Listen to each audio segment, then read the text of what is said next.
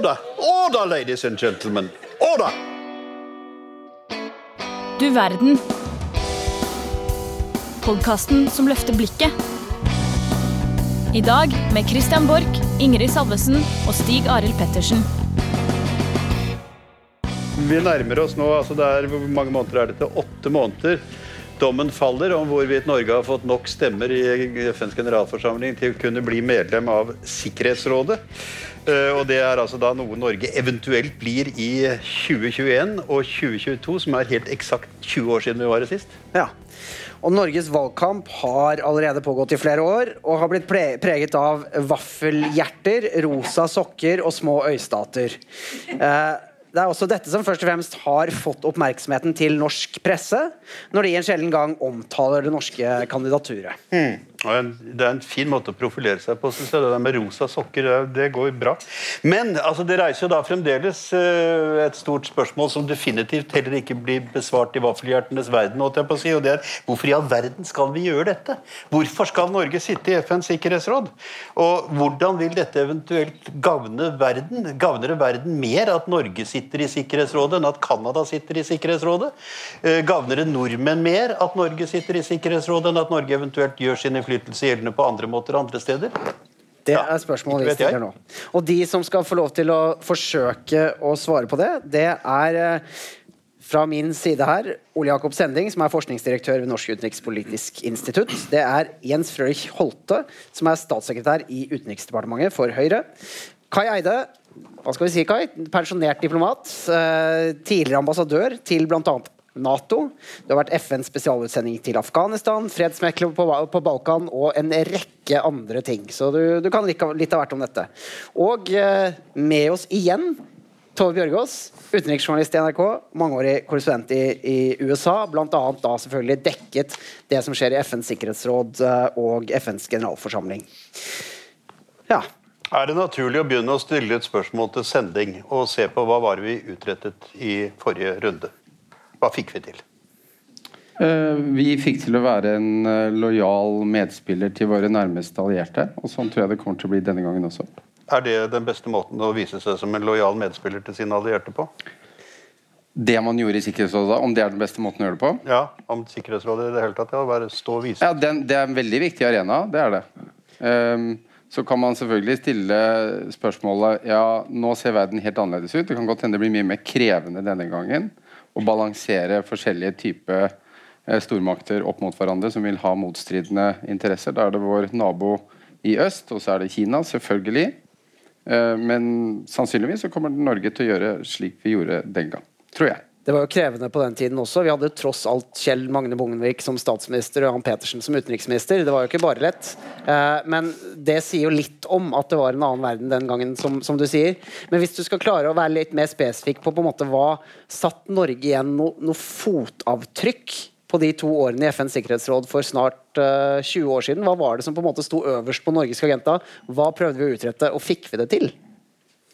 Altså, uh Min hukommelse på dette er at det Norge gjorde og klarte å håndtere rimelig bra, var en veldig veldig vanskelig situasjon i Sikkerhetsrådet. Opptakten til krigen i Irak. Der var det jo også um, en hendelse hvor denne rapporten fra våpeninspektørene kom tilbake. Og så har de fem faste medlemmene snakka sammen og sagt uh, vi syns det er mest naturlig at det bare er vi, de fem faste, som får lov til å lese hele rapporten. Er det greit for dere andre? Og da sier eh, angivelig den norske ambassadøren i New York at ja, det er greit for oss hvis det er greit for alle de andre. Og da, ikke sant, Det er å ligge ekstremt lavt. Det er ikke så rart når, når det er snakk om vår viktigste alliert. Nå, nå er eh, amerikansk politikk helt annerledes. Eh, men jeg har vanskelig for å se for meg at vi kommer til å navigere veldig annerledes eh, hvis vi, vi, blir valgt inn, som jeg tror vi blir, eller Norge, eh, neste år. Kai Eide, du har altså opptrådt 20 ganger i Sikkerhetsrådet. Du kjenner det fra innsiden. Er det ingen som hører meg? Skal jeg ta alt om igjen? Ja, ja. nå kan du ta det. Kai, ja. du har vært altså og rapportert til Sikkerhetsrådet, vært inne det 20 ganger omtrent i dine forskjellige kapasiteter som da uh, FNs mann i Kabul og fredsmegler i, i, på Balkan etc., etc., etc. Hva er ditt inntrykk av hvordan det foregår inni der? Altså, jeg mener, Er det rom for åpen diskusjon, eller er denne posisjoneringen, dette med at vi må vise oss slik eller sånn, så avgjørende at det på en måte former formen? Det, jeg tror, det du ser, virker jo veldig scripted, ikke sant? Men det pågår jo ting før møtet finner sted. Jeg som sendemann, f.eks. FNs sendemann i Afghanistan, jeg går jo ikke inn i et sikkerhetsrådsmøte uten å ha vært i kontakt med Sikkerhetsrådets medlemmer, de jeg stoler på, de som kan hjelpe meg, før jeg går inn der. Du har forberedt deg, du har forberedt dem på hva du vil si, du har forberedt dem på hva du ønsker å få støtte til osv. Så, videre. Eh, så det er det, det er en prosess som pågår over, over flere dager. Eh, og som da munner ut i det du forhåpentligvis får som et resultat. Det, det, går kanskje ikke om de store spørsmålene om krig og fred. Husker det var I Afghanistan så var det presidentvalget i 2009. Det var veldig viktig å få det i orden. Vi tenkte penger, vi tenkte bemanning, vi tenkte det ene og det andre. Da går det selvfølgelig til utvalgte medlemmer av Sikkerhetsrådet som du vet har forståelse for dette, og søker støtte hos dem. Og Da er det viktig altså, at du har noen som faktisk bryr seg om det, og som ikke føler at dette her er noe eh, som alt annet. Uh, og I en sånn situasjon som jeg sier, det er det enkelte land som peker seg ut. og Jeg er ganske sikker på at Norge vil være et land som, som er veldig lydhøre for det som kommer fra, fra from the ground, som det heter, fra bakken. Uh, fra de som er ute og representerer FN i fredsbevarende misjoner eller politiske misjoner. som du har. Det er et viktig del. Uh, det er ikke all verden, men det betyr litt for hvordan vi eventuelt lykkes rundt omkring der FN er representert. Men da ser du jo det fra et FN-perspektiv. Vi skal jo se det fra et norsk Nei, ikke det. Ja, fra, men også fra et norsk perspektiv. Gjør det Også, eh, hva eh, Sending var inne på det. Verden er ganske annerledes sist vi satt i Sikkerhetsrådet. Nå skjedde jo tilfeldigvis 11.9. bl.a. Mens, vi, mens vi satt der. Eh, men, men, verden så ganske annerledes da vi gikk inn i Sikkerhetsrådet sist. Vi var gode venner med Russland. Alt var liksom eh, Demokratiene hadde vunnet, og det var topp stemning eh, stort sett eh, overalt. Jeg vet at det er en veldig generalisering. Eh, mens, mens, nå er det veldig mye sånn at det er eh, mange nye stormakter som har kommet opp. Eh, Russland hevder seg, Kina hevder seg, vi vet ikke helt hvor vi har USA. EU står og vakler. Eh, så hva tror du det vil ha å si for et, en eventuelt norsk representasjon i Sikkerhetsrådet, sammenlignet med for, for snart 20 år siden? Det er klart at rivaliseringen er hardere det er ingen tvil om, og den foregår langs mange akser. Noen, noen av dem er tematikk som ikke berøres i Sikkerhetsrådet. Handelspolitikk og handelskonflikter osv. Eh, klimapolitikk er jo heller nesten ikke der. ikke sant? Spørsmålet er hvordan kan man få det inn på dagsordenen på en eller annen måte. Men, men spørsmålet om Huawei, teknologi, valg og sånn, det er heller ikke noe som ligger der. Eh, det er de store konfliktene. Det er klart, Der har du også nå mer rivalisering enn tidligere. Det kommer til å bli vanskelig, det er ingen tvil om det. Eh, men jeg ser ikke det som noen grunn til å ikke delta i debatten. Jeg, tror heller ikke at vi kommer til å utpeke eh, hva skal jeg si, å, kjennetegne oss ved å være de som tar de største fightene med USA. Misforstå meg ikke, det tror jeg ikke. Men, men, men, eh, jeg tror vi kan spille en nyttig um, rolle. Og det er som jeg nevnte, det er jo ikke bare debatten i Sikkerhetsrådets åpne rom som er viktig her. Det er det du gjør mellom møtene. Hvordan du forsøker å operere, få til tekster, få til eh, kompromisser som, som, kan være levedyktige. Holte, det er ikke noe tvil om at eh, UD legger masse prestisje i å komme inn i Sikkerhetsrådet. Sendinga sier at han tror, har troa på dere, at dere klarer det. Eller dere på vegne av oss, skal det kanskje sies. Eh, men som det har blitt nevnt her, verden er mer ustabil nå og mer uforutsigbar nå enn den var for 20 år siden da vi satt der sist. Jeg har litt sånn følelsen av at er det ett tidspunkt de liksom, siste 70 åra som man kanskje ikke skal stikke fram huet for mye som, som en liten stat, så er det akkurat nå. Uh, er ikke det et dårlig tidspunkt å gå inn i Sikkerhetsrådet på og måtte mene noe offentlig om absolutt alt stormaktene foretar seg? Det er jeg helt, eh, helt uenig i. For dette, dette, er tiden å gå inn i Sikkerhetsrådet på. Uh, vi ser jo nå at det multilaterale systemet med, med FN i spissen det er under press fra mange land som også er, er nærtstående oss. Eh, vi må jobbe for å forsvare normer, verdier, som vi har jobbet for å bygge opp etter 1945. og Norge har tjent ekstremt godt på det multilaterale systemet og, eh, og frihandel, for den saks skyld. Eh, vi har levd godt av olje og gass, som har blitt vår pga. havretten og utviklingen av havretten gjennom de multilaterale systemene. Eh, frihandel har tjent Norge veldig veldig godt. Eh, vår inntekt per, altså BNP per innbygger har vokst med noe sånn rundt ganger som 20 eh, siden eh, krigen var slutt. Så det er et system som vi har en veldig sterk interesse skal overleve. og da er det ingen andre enn Norge som kan forsvare Norge. Det er et veldig idealistisk utgangspunkt. Altså, hva Eller. ser du altså, det er jo, jeg, jeg, skjønner jo at dere har landa på at dette er en bra ting, men, men, og det er mye positivt. Men hva ser du på som risikoene med å måtte sitte i Sikkerhetsrådet i 2021 og 2022? Eh, hvilke vanskelige situasjoner kan Norge havne i som, som rett og slett er negative for, for Norges eh, stilling i verden og, og for meg som norsk borger? Vi, når, hvis vi blir valgt, som vi håper, selvfølgelig, så vil det jo bety at vi eh, må jobbe veldig mye i Sikkerhetsrådet. Vi må ha flere folk på bakken i New York og bruke alle de ressursene vi har på utestasjonene våre. Eh, det krever mer kapasitet, og eh, vi må også eh, tilkjennegjøre eh, hva Norge mener om ting. Men det er jo ikke en ny situasjon. Det må vi gjøre hver eneste dag, også i dag. Eh, overalt i verden så blir Norge avkrevd svar, vår posisjon blir kjent. Eh, og det å stikke hodet i sanden eh, det er ikke et alternativ i dagens, eh, i dagens internasjonale politikk. Så Den, den problemstillingen vil vi møte uansett, og da er det bedre at vi kan sitte i Sikkerhetsrådet, som er eh, tross alt det stedet i verden hvor du kan bestemme krig og fred på en lovlig måte. Eh, det er en plass hvor, eh, hvor Norge hører hjemme. Eh, og hvis det, Når det multilaterale systemet er under press, så kan ikke vi skulke den dugnaden. Altså Hvis det lekker på taket, så skal Norge være der for å være med på dugnaden. Kan jeg prøve litt sånn tilsvarende provokasjon som å lekke på taket? Altså Norge er helt avhengig av USA som sikkerhetsgarantist. Vi har en president i USA som er litt annerledes på en måte i sin beslutningsstruktur, for å si det sånn, enn mange andre. på en måte. Og Hvis det nå oppstår en veldig diskrepans i oppfatningene mellom USA på den ene siden og et Kina, som den sittende norske regjering har gjort seg ganske store anstrengelser for å bli venner med igjen etter ikke å ha vært det på forhånd, kan du ikke da ende opp i en situasjon hvor når du er nødt til å mene et eller annet, kolliderer head on med den ene eller den andre av dem? Det altså, ser du det som en risiko? Ja, det er en hypotetisk situasjon, men det er selvfølgelig eh, ja, men det, er jo, det er veldig reell ja, i dagens verden. Jo, men Om det settes på spissen av altså, sånn som, Jo, jeg vet det. Men det er altså, Norge, Norge har en uavhengig stemme i verden. Vi er Nato-medlem og har et veldig trygt anker i vårt Nato-medlemskap.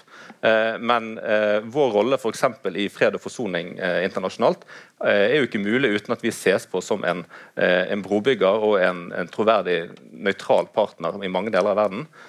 Så Det er en balansegang som vi har klart før, og som også tror vi kan klare å gjøre i mm. rådet. Sending, ja. Din, din forskerkollega Asle Toje har jo hatt relativt sterke meninger om akkurat det der. Hvordan ser du på det? Ja, han mener at uh, man skal sitte stille i båten, gjør han ikke det? Jo, jeg tror at han mener at du blir nødt til det hvis du ikke skal bli uvenner med de du gjerne vil ja. være venn med. Nei, altså Jeg syns han trekker det litt langt. fordi eh, Hvis vi ser på norsk utenrikspolitisk historie også, så har Norge faktisk klart å manøvrere, selv om handlingsrommet har vært ganske lite, uh, og unngått å bli totalt Selv om vi er helt avhengig av USA som garantist, så er, har det vært mulig og at det er litt luft mellom Norge og USA. Ikke sant? Det er det ene. Det andre er at selv om eh, det spisser seg til i internasjonal politikk, så har jo Sikkerhetsrådet og arbeidsmetodene og det å skrive resolusjoner en helt sånn særegen dynamikk. For det handler om å produsere tekst. Ikke sant? Mm. Så kan de fem faste de sitter på bakgrunn bestemme liksom hva som kan komme opp på agendaen. De, de, valgte de kan bestemme agendaen når de har presidents- eller formannskap og sånn. Men det da å være god diplomat å ha gode kontakter ute og være med og hjelpe til å skrive teksten, selv om det, det stort sett er de tre faste vestlige som gjør det. Mm. Der ligger det ganske stor rom for innflytelse, og det kan Norge utnytte. Men så er det én ting som jeg stusser på, og det er derfor jeg ba om ordet, med begrunnelsen som uh, UD eller regjeringen da på en måte fremmer i, for at man skal inn, og det er det er alltid det multilaterale systemet. Det er alltid havretten som brukes som eksempel. Det er et veldig godt eksempel på behov for et regelbasert internasjonalt system. Men det er en mismatch mellom det, og, eller det er litt avstand mellom det på den ene siden og det å sitte i Sikkerhetsrådet på den andre. Altså, Sikkerhetsrådet er ikke det som utvikler regler for det multilaterale systemet. Det er fred og sikkerhet. Altså, da burde vi snakke om WTO, IMF, Verdensbanken og ikke minst alle FNs fond og programmer som er helt uavhengig av Sikkerhetsrådet. Og der later det ikke til, til tross for at man nå har en ganske god multimelding på bordet, at man har noen strategi for hvordan man skal si de to tingene sammen. Så begrunnelsen er litt sånn i utakt, syns jeg.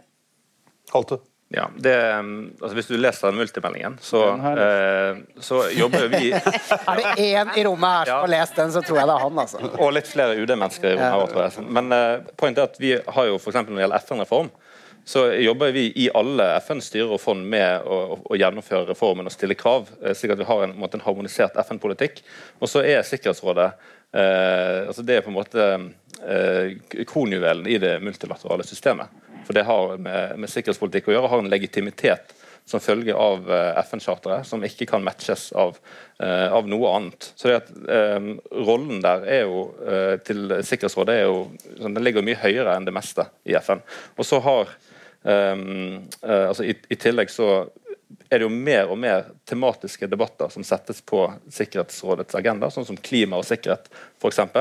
Eh, hvor koblingen til de andre delene av det FN gjør, er mye sterkere. og Det er jo noe Norge vil bruke vår eventuelle plass til, er å f.eks. sette klima og sikkerhet mer på rådets agenda. Eide, kort først. Nei, altså jeg, jeg, er helt enig. i det. Jeg tenker på Et annet tema som jo kom på dagsordenen for nå litt mange år her siden, kvinnefred og sikkerhet, uh, er jo nå blitt et fast Ikke bare et fast uh, tema, men det er jo et tema som gjennomsyrer Eh, møtene i Sikkerhetsrådet, uansett nærmest hvilken FN-oppdrag det dreier seg om. Der har man kommet veldig langt. Det er jo et sak som, altså Svenskene drev dette veldig nå. De kalte det feministisk utenrikspolitikk. Man behøver ikke ha en sånn label. Jeg tror nok vi er kommet lenger i substans i sak å drive den, det, det temaet enn det svenskene egentlig hadde gjort. Uh, det er jeg sikker på vi kommer til å uh, ta dette videre. Jeg er helt enig i at jeg tror det er et viktig symbol fall, på vår tilslutning og viktigheten vi tillegger det multilaterale systemet, at vi deltar. Så er det en ting til. Jeg ser på denne nærmest roterende situasjonen vi har for to år siden Sverige, nå Norge, Uh, om, om, fire år Danmark osv. ser jeg som veldig viktig. Jeg tror det plasserer Norden uh, på arenaen på en måte som jeg tror er veldig veldig viktig. Det er en del av Nordic branding uh, som man legger mye mer merke til i utlandet enn det jeg tror vi innbiller oss. Bare helt til slutt. Det er klart det gir oss en stemme i det internasjonale i, i, debatten å sitte i Sikkerhetsrådet. Den varer ikke bare to, to år. Eh, også etter at vi er ferdig, så jeg tror jeg liksom, det, det renommeet vi opparbeider oss i løpet av de to årene, den varer oss en stund utover det. Så det har noe å gjøre med hvilken vekt og stemme Norge tillegges. altså Renommé hvor? I, I det internasjonale samfunnet. I debatten generelt, eller i de ja, ja, debatten om viktige internasjonale spørsmål. Så tror jeg det har noe å si for hvordan Norge og Norden oppfattes langt utover de to årene vi faktisk sitter der. Holte kalte jo eh, FNs sikkerhetsråd for kronjuvelen i FN-systemet her. og Bjørgaas, Jeg ga jo et lite stikk til den podkastepisoden dere lagde om Sikkerhetsrådet her nå eh, i, i forrige, forrige, panel. Men uh, dere hadde jo med Jan Egeland der. Ja. Uh, og jeg syns Jan Egeland hadde kanskje jeg vil kalle det 2019s vakreste Freudian slip i den episoden, hvor han sa Jeg skal ikke prøve å imitere Jan Egeland her nå, men han sa dette er veldig viktig for norske diplomater, nei, jeg mener for det norske diplomatiet, at vi sitter i FNs sikkerhetsråd. Hvordan, eh, når du er ute og liksom snakker med norske diplomater blant annet, og, og norske utenriksvesenet, hvordan opplever du den, den iveren som, som, diplomatene har, fordi dette rett og slett bare innebærer prestisje? De syns det er jækla gøy at Norge skal sitte i FNs sikkerhetsråd. og i hvilken grad tror du det styrer litt det at vi har faktisk lyst til å sitte der? Jeg må legge til at jeg hadde et oppfølgingsspørsmål. Ja. Da jeg spurte er det bare norske diplomater det er viktig for. sa ja, ja, det er kanskje ikke så viktig for mannen i gata, sa men det er jo viktig for ja, for Norge, men veldig spesielt viktig eh, for norske diplomater. Og så tror jeg han sa noe Eller jeg tror i det originale intervjuet Vi klipper jo ganske mye krig og fred. Eh, så tror jeg han sa at eh, Vil du spille i Hør her! Vil du spille i Champions League, eller vil du spille i tredje divisjon? Dette vet du, Kajsa. Du vil jo spille Champions League. Og det vil jo også vi journalister. Vi vil gjerne spille Champions League. Vi vil gjerne eh, altså Det er jo fint for oss hvis Norge sitter i Sikkerhetsrådet. Da tror jeg jo Vi har jo to korrespondenter i Washington nå. Jeg mener at det ville Da vil det kanskje være et poeng å ha en korrespondent i New York i de to årene. For da vil man få mye mer tilgang eh, i det rommet der, der beslutningene Absolutt. da, så Vi får ikke sitte der inne, men vi, vi får være mer på bakrommet. Eh, og, og, og eh, nå er det sånn at Jeg ofte blir sendt opp til New York for å stå utenfor FN, for nå er det møte sikkert, og så står du utenfor gjerdet og forteller at nå om en time er det møte i Sikkerhetsrådet. Og det, er, det koster en del penger bare å dra opp dit for å stå og si det. Eh, det hadde vært bedre å være inne, inni der. Og vite hva som faktisk skjer. jobbe med FN-kilder. Men igjen Men du altså, slipper, du slipper jo ikke inn. Nei, men, men som, som du sier, da vil man jo ha Det, det har man allerede med flere både sikkert vanlige diplomater og, og kommunikasjonsrådgivere som jeg for øvrig har et godt forhold til. Jeg syns det er bra at UD har Ja, du gjør det, ja. Presser og driver, Ja, altså, men, ja. ikke sant? Det, Kai Eide, det du forteller om, er jo altså at du da kommer inn og orienterer, snakker med og spiller en rolle før beslutninger blir tatt. Og beslutningene bygger på et konsensusprinsipp. Men det som blir sagt i Sikkerhetsrådet, det blir jo ikke kjent. Så den norske innflytelsen vi snakker om her, eh, vil den lekke ut til noe annet enn disse supermaktene som sitter der på permanent basis, og eventuelt de andre som er der på midlertidig basis? Vel, det er jo ulike møter i Er dette en måte å det, det, det, influere det er bare både lukkede og åpne møter. Det er masse åpne møter i Sikkerhetsrådet. Um, men uh, jeg syns det er interessant at vi, at vi står og diskuterer bør vi være med eller bør vi ikke være med. Altså, Vi lanserte vårt kandidatur i 2007. Så er verden Gjorde vi det? 2007, er ikke det? Jo, jeg tror det. Så ble, så ble verden vanskeligere, liksom. Og så skal vi si Er den blitt for vanskelig nå? Nei, nå ser det litt lettere ut. Jeg tror vi blir med likevel. Nei, eh, nå er det Trump. Hvor lenge blir han sittende? Skal vi ta sjansen på at han bare blir sittende fire år? Da kan vi eventuelt komme inn. Da går det bedre. Eller skal vi det bli litt tøvete? Eh, nå, nå er vi der. Vi må kjøre løpet. Det skal vi gjøre. Får vi diskutere hva skal vi gjøre når vi kommer inn? Hva er viktig for oss? Og det gjør vi selvfølgelig også. Jeg sier vi. Jeg er jo pensjonist. da, ikke sant? Tilhører ikke lenger det partiet ditt lenger. Eh, Men jeg, jeg mener at dette er fundamentalt riktig. Skal vi si, hva er forskjellen for verden? Jeg tror, jeg tror vi kommer til å gjøre en veldig god jobb, men det er viktig for Norge, for våre egne interesser. Og diplomater. Ja, jeg er helt enig. Altså, det, er, det, det er bare det at begrunnelsen, nei, men begrunnelsen fra Utenriksdepartementet synes jeg er, den kunne vært bedre. Eh, Det hadde vært mye enklere å si vi, vi søker eh, det setet i Sikkerhetsrådet, for da er det lettere for oss å fremme norske interesser. Ferdig prata. Men det kan jeg si. Ja, det, ja, så Jeg gjør det. Ja. Kan, kan du si det, for vi har Jo, capen men, men det er som, som Stig Jarle sa, ikke sant? det er veldig idealistisk, det er liksom regelbasert system. Men det er det, denne innflytelsen man får når man er der, telefonen kommer til å ringe mer, man får nettverk og kompetanse, man blir viktigere, en viktigere spiller også på andre felt. Så det er Helt uavhengig av teksten i vedtaket fra Sikkerhetsrådet, så er det også på andre felt at, eh, at det blir viktig. Så det vil være enklere å på en måte, kommunisere til eh, norsk offentlighet, tror jeg. Ja. Jeg har mange punkter så jeg kan lese opp. Men, eh, men det, er altså, det er selvfølgelig et veldig viktig poeng også for en, et, eh, et lite land som Norge, som er avhengig av å ha et godt forhold til veldig mange land i verden. Så gir hele kampanjen er jo på en måte et, en diplomatisk uh, løfteøvelse som gjør at uh, ambassadene våre har mer aktivitet. Uh, vi er mer synlige i verden, og det kan ha veldig positive konsekvenser eh, sånn down the road. Men bare ett ett poeng til, eh, til Tove hadde. at altså, eh, Sikkerhetsrådskampanjen er jo ikke laget fordi at eh, regjeringen vil sysselsette diplomater. Eh, det er politisk besluttet eh, av forrige regjering, denne regjeringen.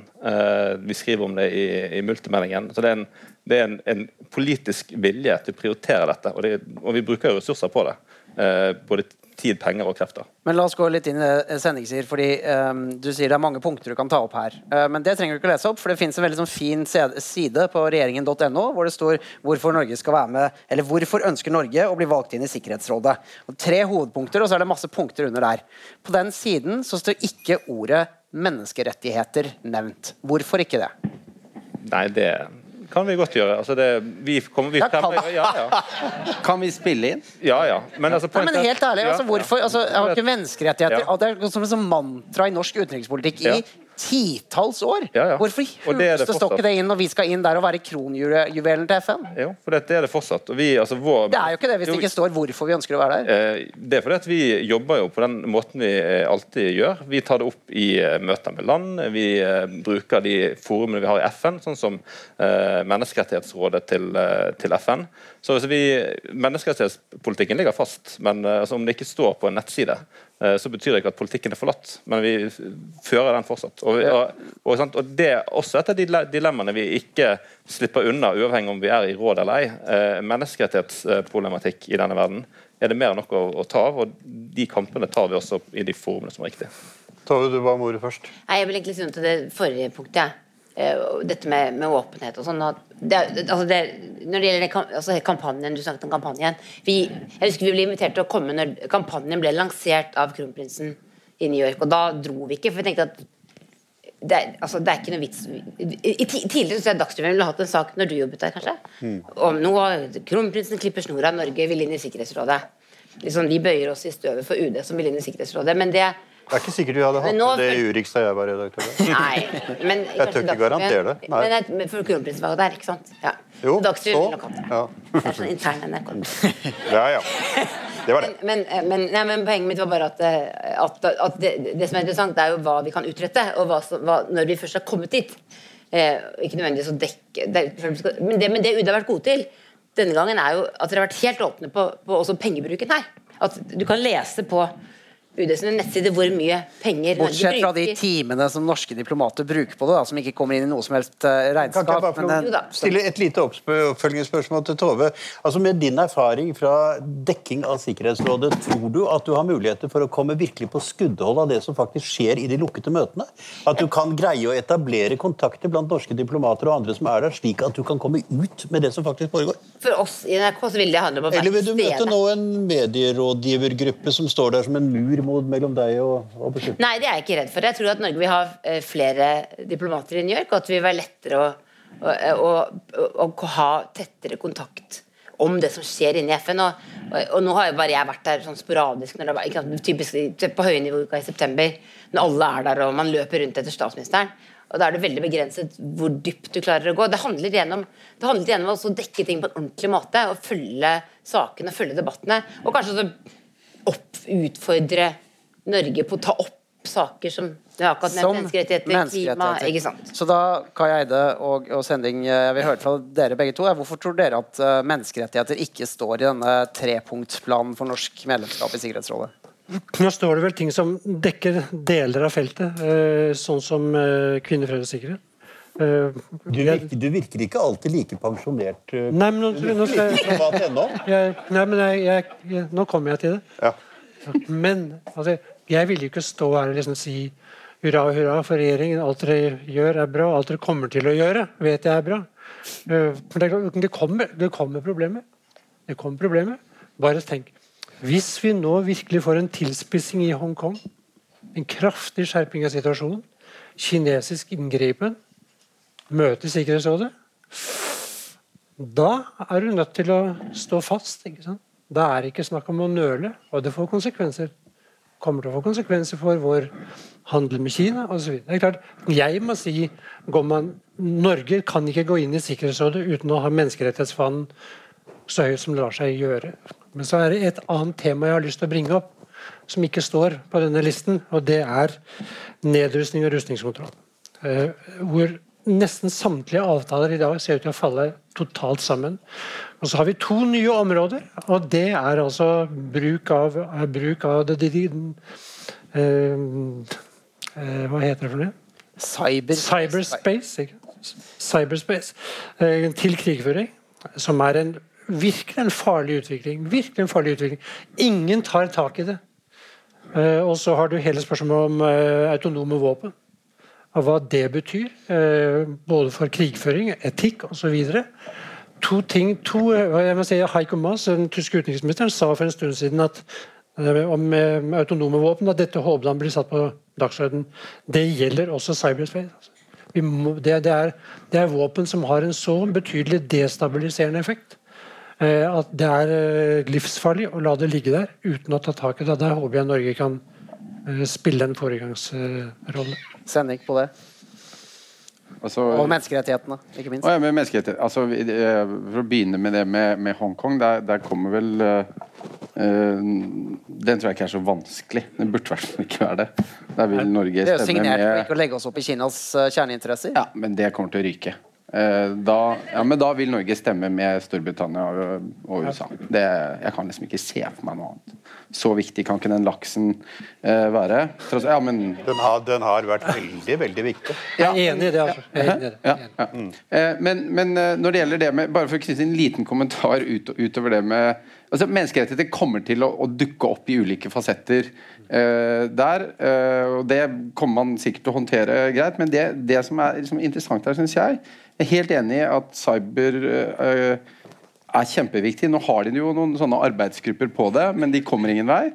Men det er jo klima og, og, og sikkerhet. Den kan jo bli ganske tricky for Norge. Vi står jo i en kjempespagat. Vi har tjent oss rike på å produsere olje og gass, og så snakker vi nå veldig mye om, om klima. Sånn at Hvis Norge skal liksom, løfte det høyt opp på agendaen i Sikkerhetsrådet, så må det ligge til grunn tror jeg, en helt annen utenrikspolitikk og utviklingspolitikk som kan gi kredibilitet til Norge på det temaet internasjonalt. Mm. Holte, hva spør du ja, om det? Ja, det, altså, På den nettsiden står det at vi, for, at vi må forsvare de normene som er bygd opp over tid. Og De normene inkluderer menneskerettigheter, de inkluderer seksuell og reproduktiv helserettigheter, som vi har som bygget sten på sten siden, uh, siden andre verdenskrig for å sikre, og det er under press. Men for, å bygge videre på det poenget som du hadde også sending om, eh, om klima. Altså, vi går til valg i Sikkerhetsrådet uh, med summen av det som er norsk politikk. Uh, summen av det som er utenrikspolitikken vår, for så vidt innenrikspolitikken og klima- og, og miljøpolitikken. Den er det vanskelig å bli klok på for tida. Altså ja, nei, men altså, nei, når, altså, når, vi kommer til altså, Det er en grunn til at Erna Solberg får snakke på generalsekretærens klimatoppmøte. Det er fordi at Norge har en utrolig fremskutt posisjon eh, globalt på, eh, på klima. Vi, har, vi, var en del, altså når det var klimatoppmøte i Paris, så var det Norge det landet som fikk i oppdrag liksom, å lande eh, avtalen når det gjaldt hvor mye kuttmål vi skulle ha. Så vi har en veldig stor kredibilitet på klima. Så er det klart at eh, vi må gjøre mer, og vi legger om utviklingspolitikken vår nå til å satse mer på klimatilpasning. Eh, slik at Vi gjør jo litt politikkendringer på, på utviklingsfeltet, men eh, sånt, koblingen der eh, mellom klima og sikkerhet eh, kommer til å bli viktigere. Og vi skal gjøre en, eh, en jobb eh, for å bli bedre, i hvert fall når det gjelder utviklingsbistanden vår. For de som ikke hører hva sending hvisker, så sa han nettopp til meg vi gjør jo ikke det. Så da vil jeg gjerne Dere har kutta 220 millioner i investering i fornybar utviklingsland, har dere ikke? Jo, det var fordi at, Nå er vi inne i nisjer. Nei, men det, nei, men det, fordi at, jo, men fordi at det var ikke mulig å betale ut de pengene i år. Eh, vi er et av få land som har for, for har doblet vårt bidrag til FNs grønne klimafond, som er en viktig viktig sånn, brikke i Parisavtalen. Det er det andre europeiske land som ikke har gjort. Det var et løfte vi ga. Uh, om å doble. Eh, Nederland har ikke doblet. Eh, Finland har ikke gjort det. Altså, vi, vi, får, eh, vi, får, veldig, veldig mye si, cred internasjonalt for den klimajobben vi gjør. selv om utfordringene som vi har på klimaområdet, gjør at vi må gjøre mye mer i årene som kommer. Tove? Nettopp det. Vi, vi, har penger. Vi bruker penger på mange ting som er viktig for også Sikkerhetsrådet. Klima er én ting, men en annen ting er faktisk det du snakket om. Nedrustning. Jeg, jeg vet ikke om dere visste det, dette kan jeg få lest en del om. Men mens, eh, mens eh, Bush var president, og det amerikanske nedrustningsmiljøet lå litt brakk, eller det var også mye debatt om, om det, så, så, ga Norge en masse penger til en, en, rekke amerikanske aktører for å på en måte holde de oppe. da. NTI, eksempel, som er en viktig eh, tankesmie i Washington. Og, så vi har, vi har ganske, opplever jeg, en ganske viktig blir ganske, en ganske viktig rolle også i den, i den Men det blir vel ganske vanskelig for Norge å holde nedrustningsfanen høyt når ja. vi er et av, snart et mindretall i FN som ikke ønsker å forby atomvåpen. Så der kommer vi også i en skvis-sending. Ja. Vi gjør det. Følg opp. Ja. Nei, altså, det, det, de, de, dilemmaene kommer jo til å stå uh, i kø. og er da på, mener jeg klima, for den, den, kommer til å forandre seg dramatisk tror jeg, bare før vi eventuelt blir valgt inn på menneskerettigheter kommer til å bli vanskelig, og på disse sakene her, sånn som på nedrustning. Og da tror jeg at Norge, i hvert fall hvis man skal bruke historien som sånn rettesnor, så kommer vi til å igjen gjøre det vi har gjort, i hvert fall på uh, nedrustning, fordi der vil de sikkerhetspolitiske måte, bærebjelkene for Norge overstyre hva man eventuelt vil ønske å få til internasjonalt. Jeg hadde...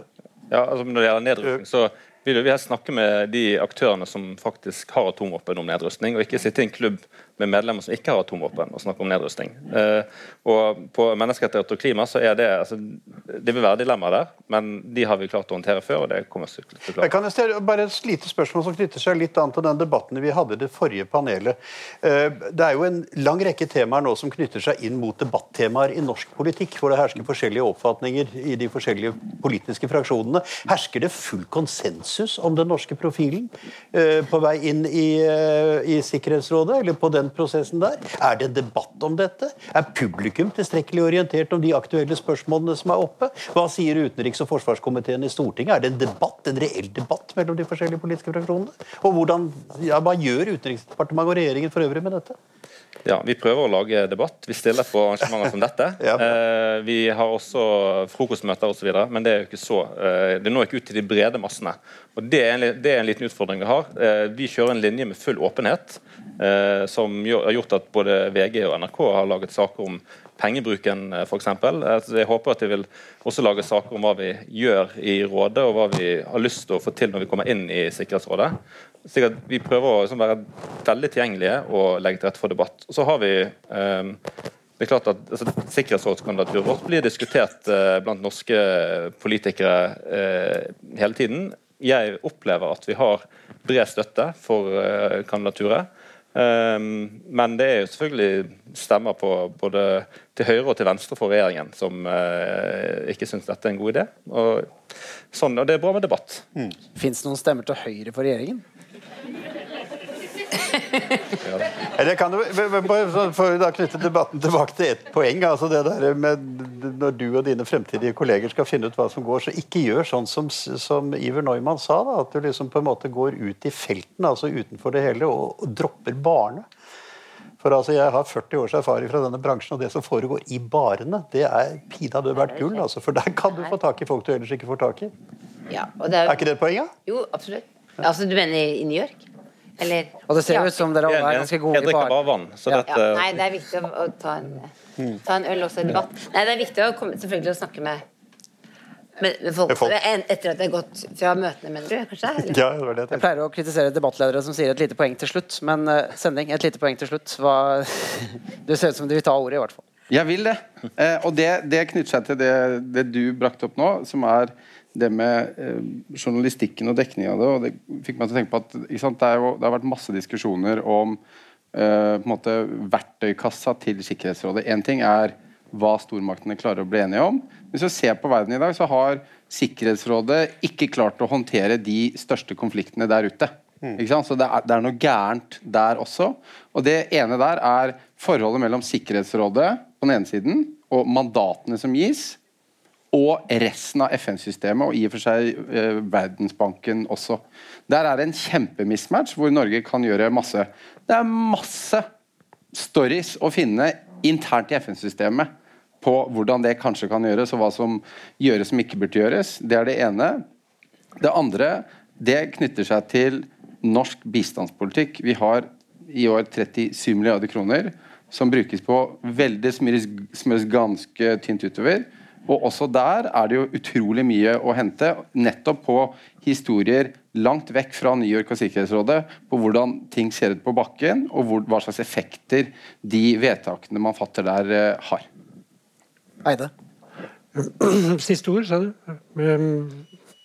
Ja, nå må jeg være konsentrert.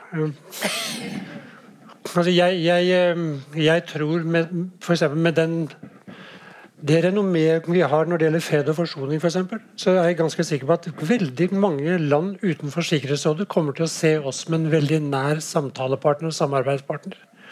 Eh, i, som sikkerhetsrådsmedlem. Det det tror jeg er viktig. skal vi ikke undervurdere.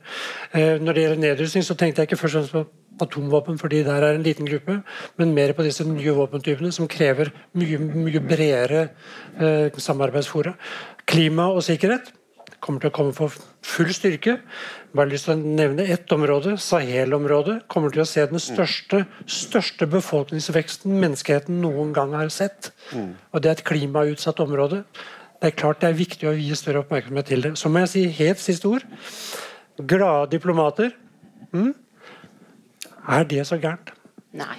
Eh, jeg må si én ting. Tenk, tenk, tenk om vi skulle ha diplomater som ikke var entusiastiske når vi skulle inn i Sikkerhetsrådet. Så jeg, jeg, si, jeg, er glad for å se den entusiasmen som, som Det var, det var derfor Tove ikke klippet bort den bemerkningen. Let's end on a happy note, uh, Christian. Ja, vi gjør det, ja. uh, tusen hjertelig takk for at dere kom hit, alle fire. Jeg tror vi rett og slett skal klappe dere av. Ja.